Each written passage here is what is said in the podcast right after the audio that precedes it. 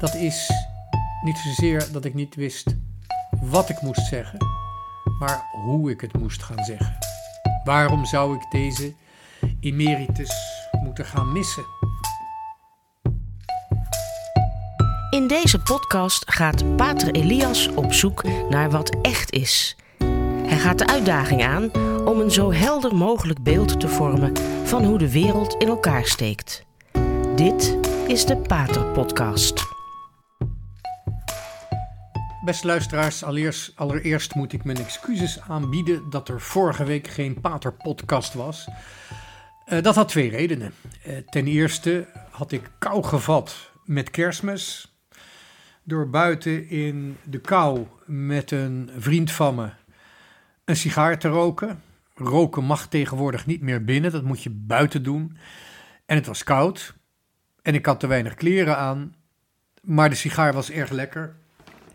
Uh, en ik heb daarvoor moeten betalen door uh, drie dagen flink verkouden te zijn. En ik heb die dus in mijn bed doorgebracht om de kou niet over te laten gaan in een griep.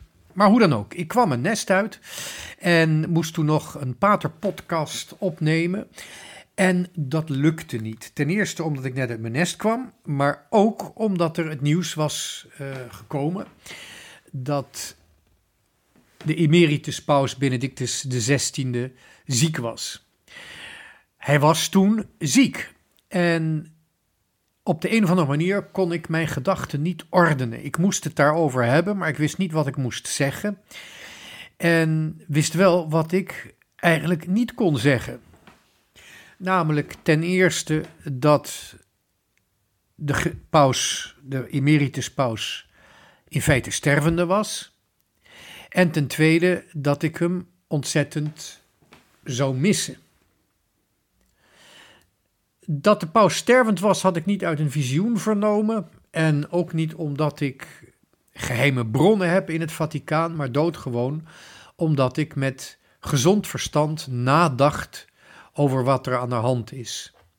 Een man van 95, die op de laatste foto er erg ziek en oud uitziet. En bovendien een nierstoornis heeft, dat is gewoon een stervende oude man van wie de organen beginnen uit te vallen.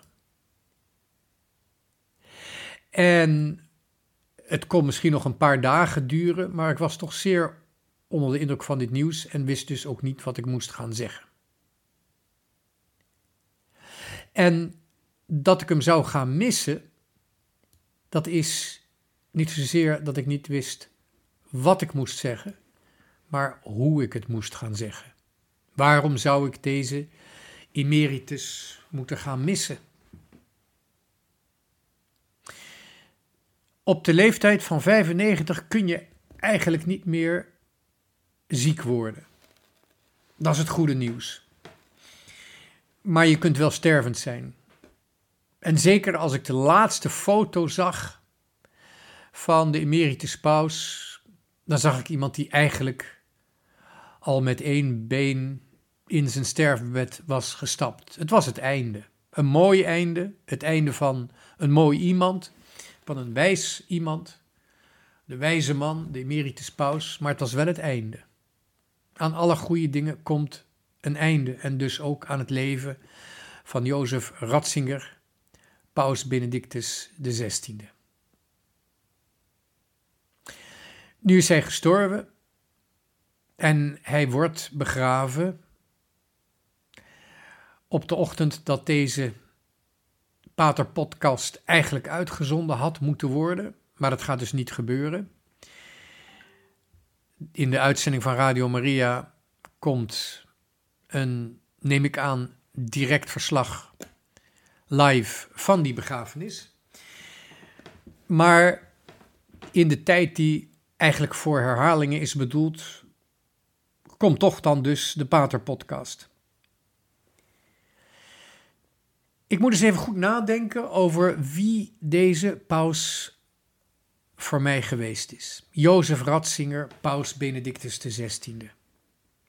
Wie is hij voor mij geweest en waarom zal ik hem zo missen? Eigenlijk bij zijn overlijden, maar eigenlijk daarvoor ook al, toen ik nog niet wist wat ik moet zeggen, speelde het door mijn hoofd de stille, wijze man op de achtergrond. En paus Benedictus XVI, Jozef Ratzinger, is dat eigenlijk altijd sinds ik zijn naam ken, sinds ik, sinds ik ken wie hij is, is hij dat geweest. Een stille, wijze man op de achtergrond. Eigenlijk in alle drie fases van zijn leven waarin hij de kerk gediend heeft. Als hoofd van de Congregatie voor de Geloofsleer, als paus en tenslotte als emeritus paus. Voor alles, voordat ik het over die drie fases in zijn leven heb,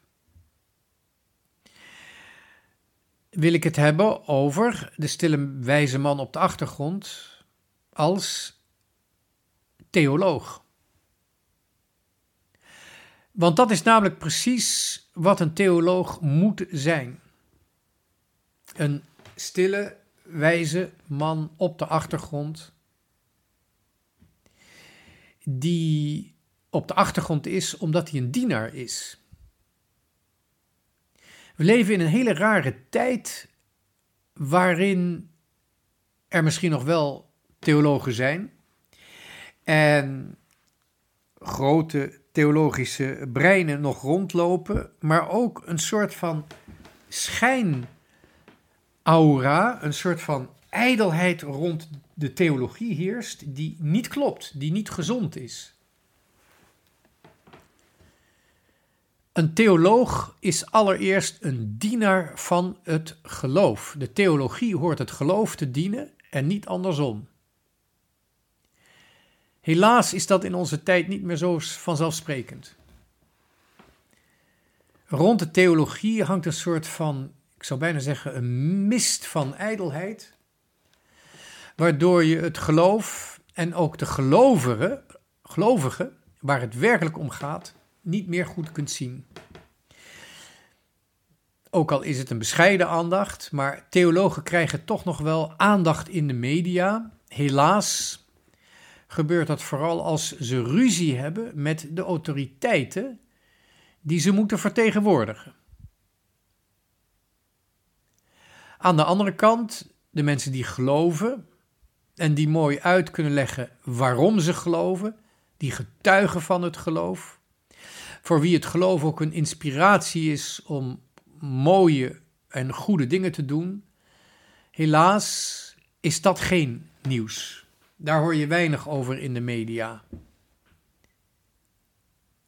Het zou eigenlijk andersom moeten zijn. De gelovigen zouden aan het woord moeten komen en de theologen, de dienaars, zouden in de massamedia media in ieder geval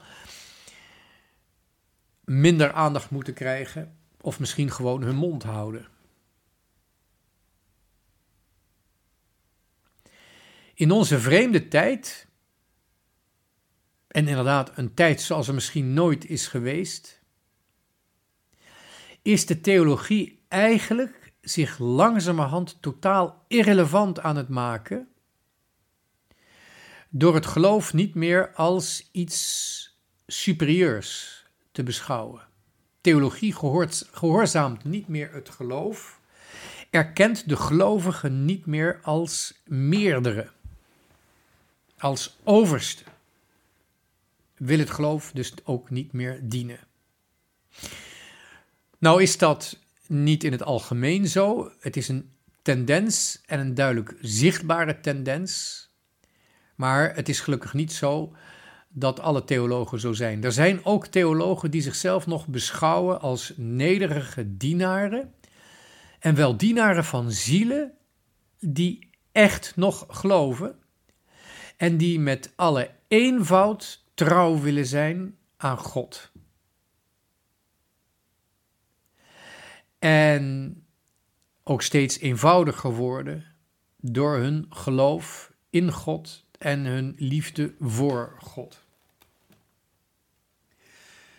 Zulke zielen, voor hen was Jozef Ratzinger een dienaar. Oftewel een echte theoloog, oftewel een theoloog zoals God het bedoeld heeft.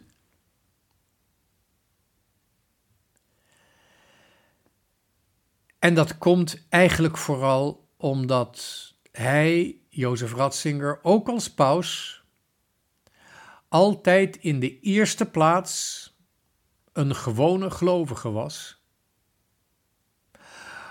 Onder ontelbare gelovigen, ook al had hij een buitengewone positie onder die ontelbare gelovigen. Als ik kijk naar die drie fases waarin Benedictus die vooraanstaande positie heeft vervuld, dan zie ik daar ook weer de stille man op de achtergrond. Allereerst was hij dus het hoofd van de congregatie, van de congregatie voor de geloofsleer. De tweede fase was hij paus en tenslotte was hij, heel uniek in de geschiedenis van de wereld, een emeritus paus die niet verdween, maar die toch aanwezig bleef. Laten we het eerst hebben over zijn tijd als hoofd van de congregatie voor de geloofsleer. Daar in die functie was hij de dienaar allereerst van de charismatische paus Johannes Paulus II. Wiens geloof gedragen werd door een onvoorwaardelijke overgave aan de Heilige Maagd Maria. Aan de ene kant het charisma van de gelovigen, de Poolse paus. Aan de andere kant zijn transparantie voor alles wat Maria in het leven van een christen kan betekenen. En terwijl kardinaal, kardinaal Ratzinger in de schaduw van zijn toenmalige paus bleef, onderging hij wel lastelijke aanvallen uit alle richtingen, alsof hij op de voorsprong stond, op de, voor, um, op de voorgrond stond.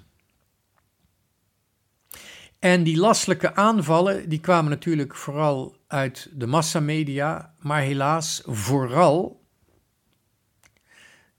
van belerende theologen, die, die indruk kreeg je altijd, theologen die hun eigen theologie of hun eigen populariteit belangrijker vonden dan het geloof zelf. De ijdelheid die zo vriendelijk probeert over te komen, de ijdelheid die zo dweept met tolerantie, inclusiviteit, open zijn, welkomend zijn, kan ontzettend gemeen uit de hoek komen in de aanvallen op het eenvoudige geloof. En kan er ontzettend op neerkijken, minachting voor betonen. En inderdaad, vanuit die ijdele hoek, hoek, waren er heel veel gemene aanvallen op kardinaal Ratzinger. Hij werd de panzerkardinaal genoemd, de dictator van de theologie. En het wonderlijke is dat ondanks de perversiteit van die aanvallen hij er toch rustig onder bleef. Jozef Ratzinger, de kardinaal, bleef rust en wijsheid uitstralen. En hij straalde het niet alleen uit, maar het kreeg ook vorm in wat hij schreef, in wat hij leerde. Het is opmerkelijk hoe ondanks alle aanvallen, hij en paus Johannes Paulus II er tijd voor hebben gevonden en genomen om uit het gekrakeel in de wereld om hun heen toch wezenlijke vragen, levensvragen, vragen over God, te destilleren en er bovendien zo helder en wijs mogelijk antwoord op hebben geprobeerd te geven. Johannes Paulus II, de paus, en kardinaal Jozef Ratzinger hebben vaak samengewerkt in het formuleren van antwoorden op vragen die zo diep in de menselijke ziel worden um, gecreëerd, die zo in het diepste van de ziel van de mens, uh, uit het diepste van de ziel van de mens voortkomen, dat ze moeilijk geuit worden en vaak in agressie of in woede uh, een uitdrukking vinden.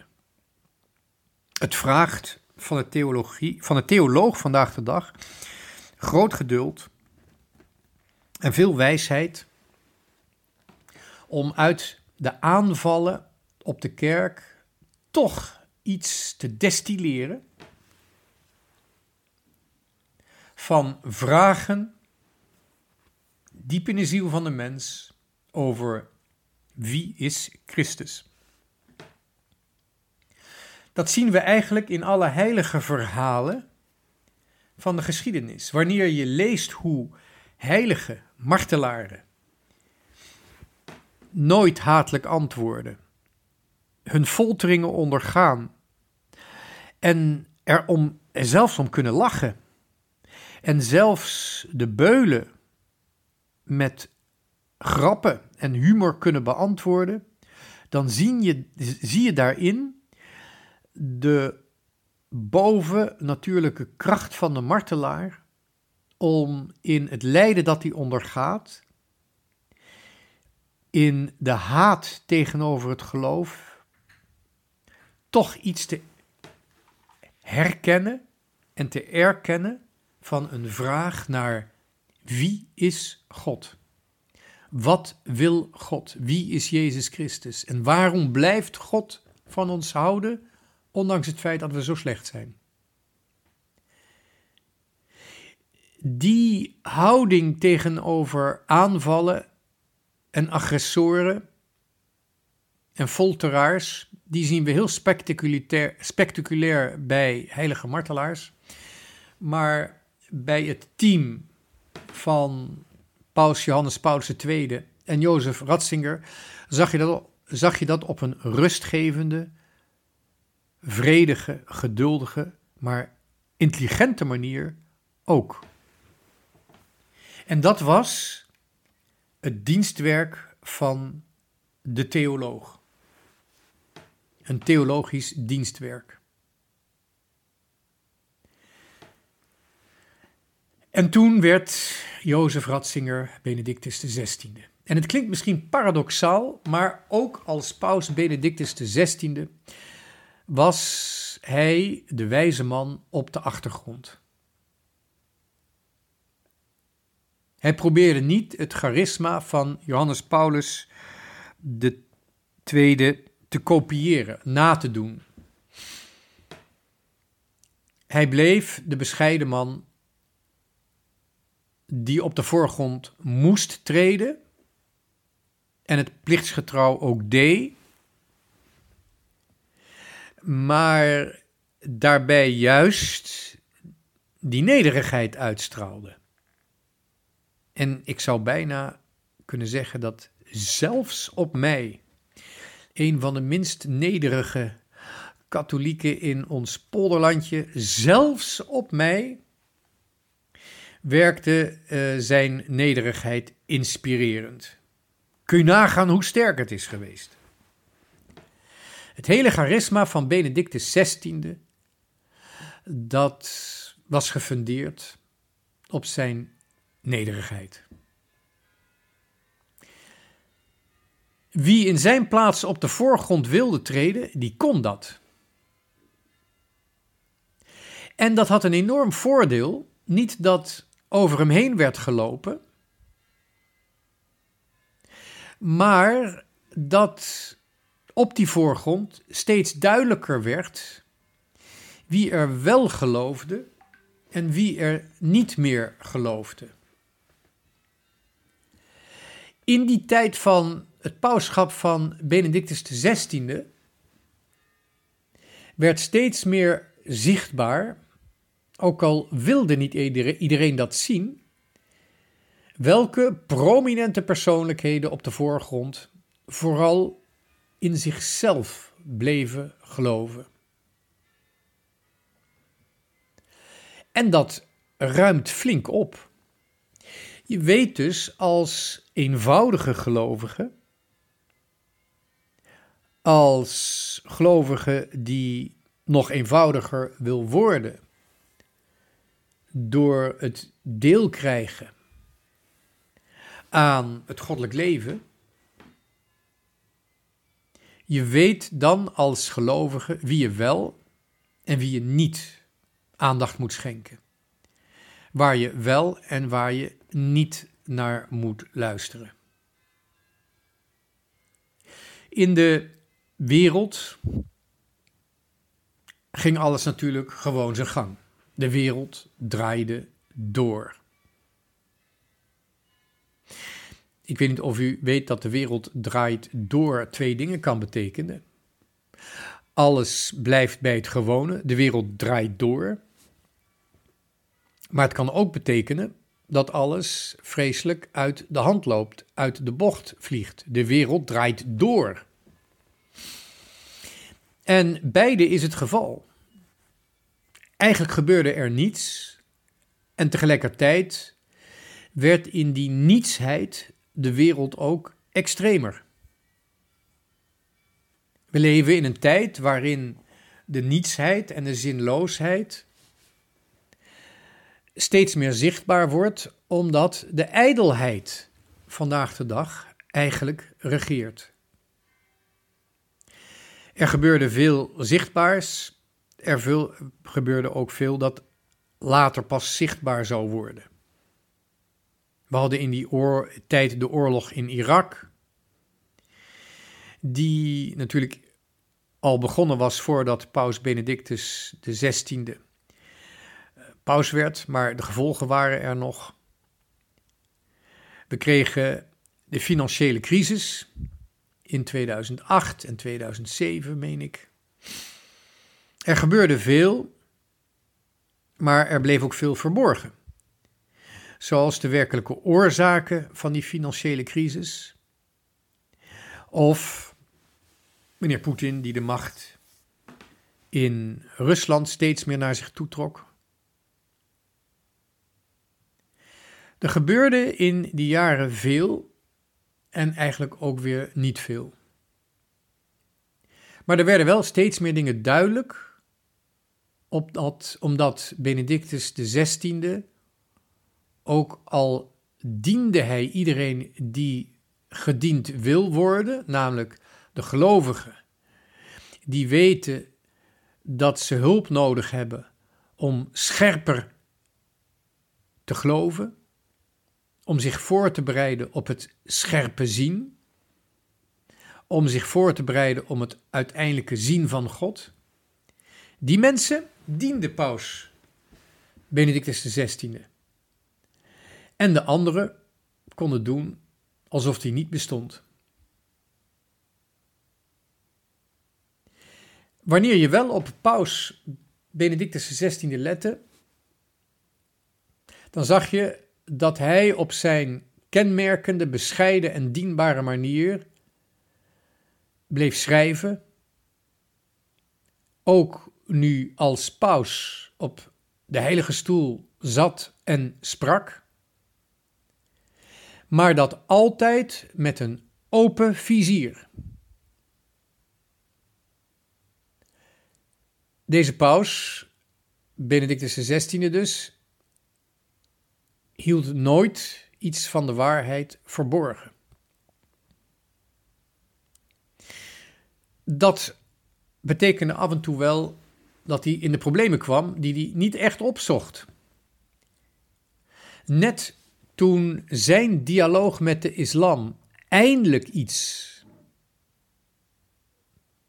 iets meer inhoud begon te krijgen, namelijk doordat hij tijdens een lezing in Duitsland een Griekse keizer citeerde die gevangen was door een sultan en ondanks dat in dialoog ging met de sultan en die sultan met een hele concrete en hele realistische vraag provoceerde.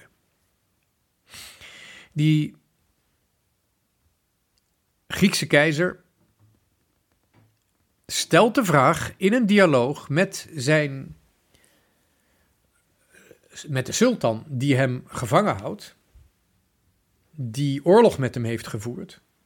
Die stelt hij dus, die sultan stelt hij de vraag waarom de islam, of hoe het komt dat de islam zich altijd door geweld heeft verspreid. Waarom het een oorlogsgodsdienst is.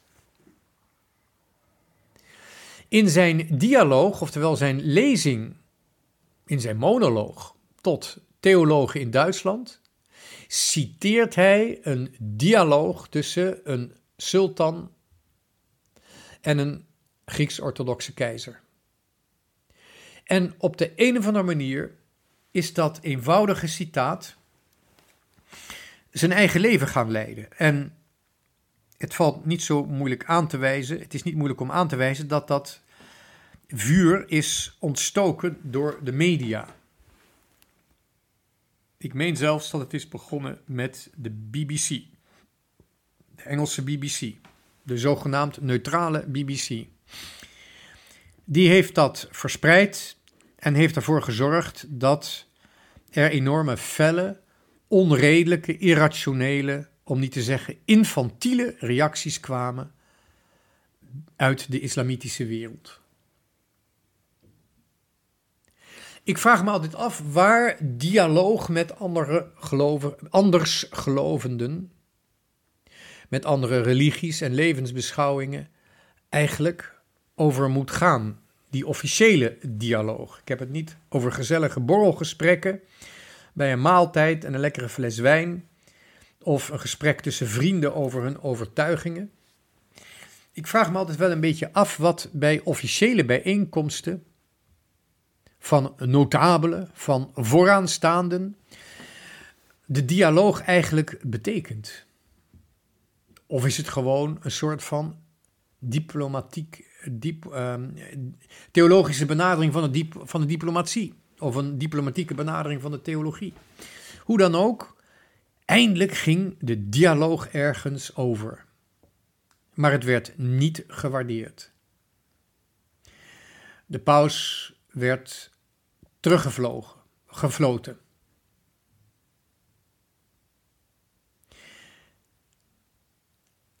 Die dialoog was misschien niet mogelijk, maar vragen over het geloof werden wel beantwoord. Wie echt meer wilde weten over het geloof, of zijn geloof wilde verhelderen, kwam bij Paus Benedictus XVI aan het goede adres.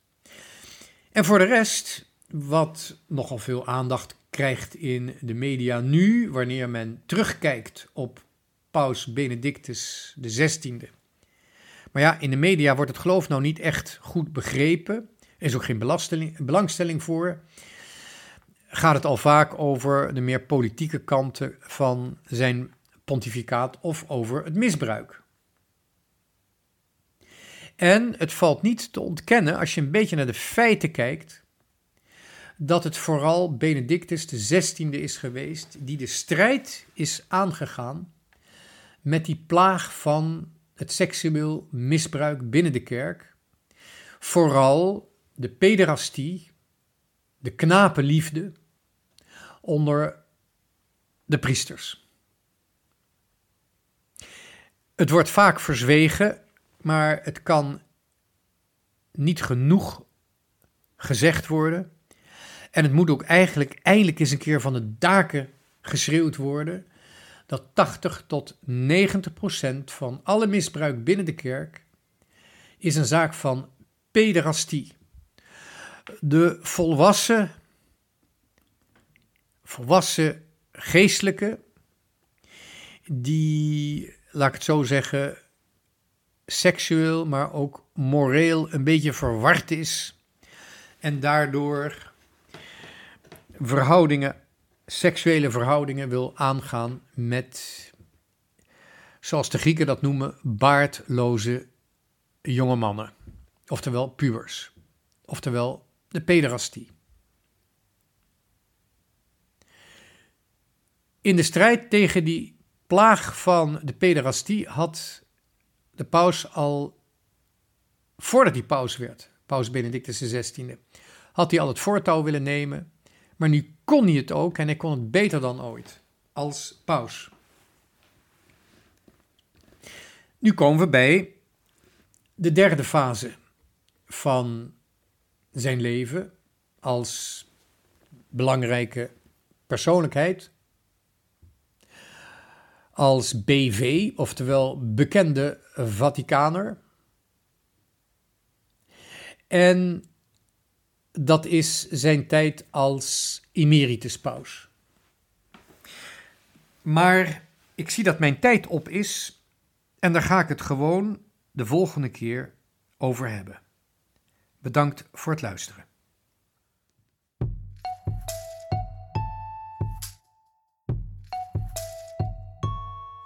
Dit was de Radio Maria Pater Podcast met Pater Elias. Deze podcast is online terug te luisteren via de website van Radio Maria en andere podcastplatforms.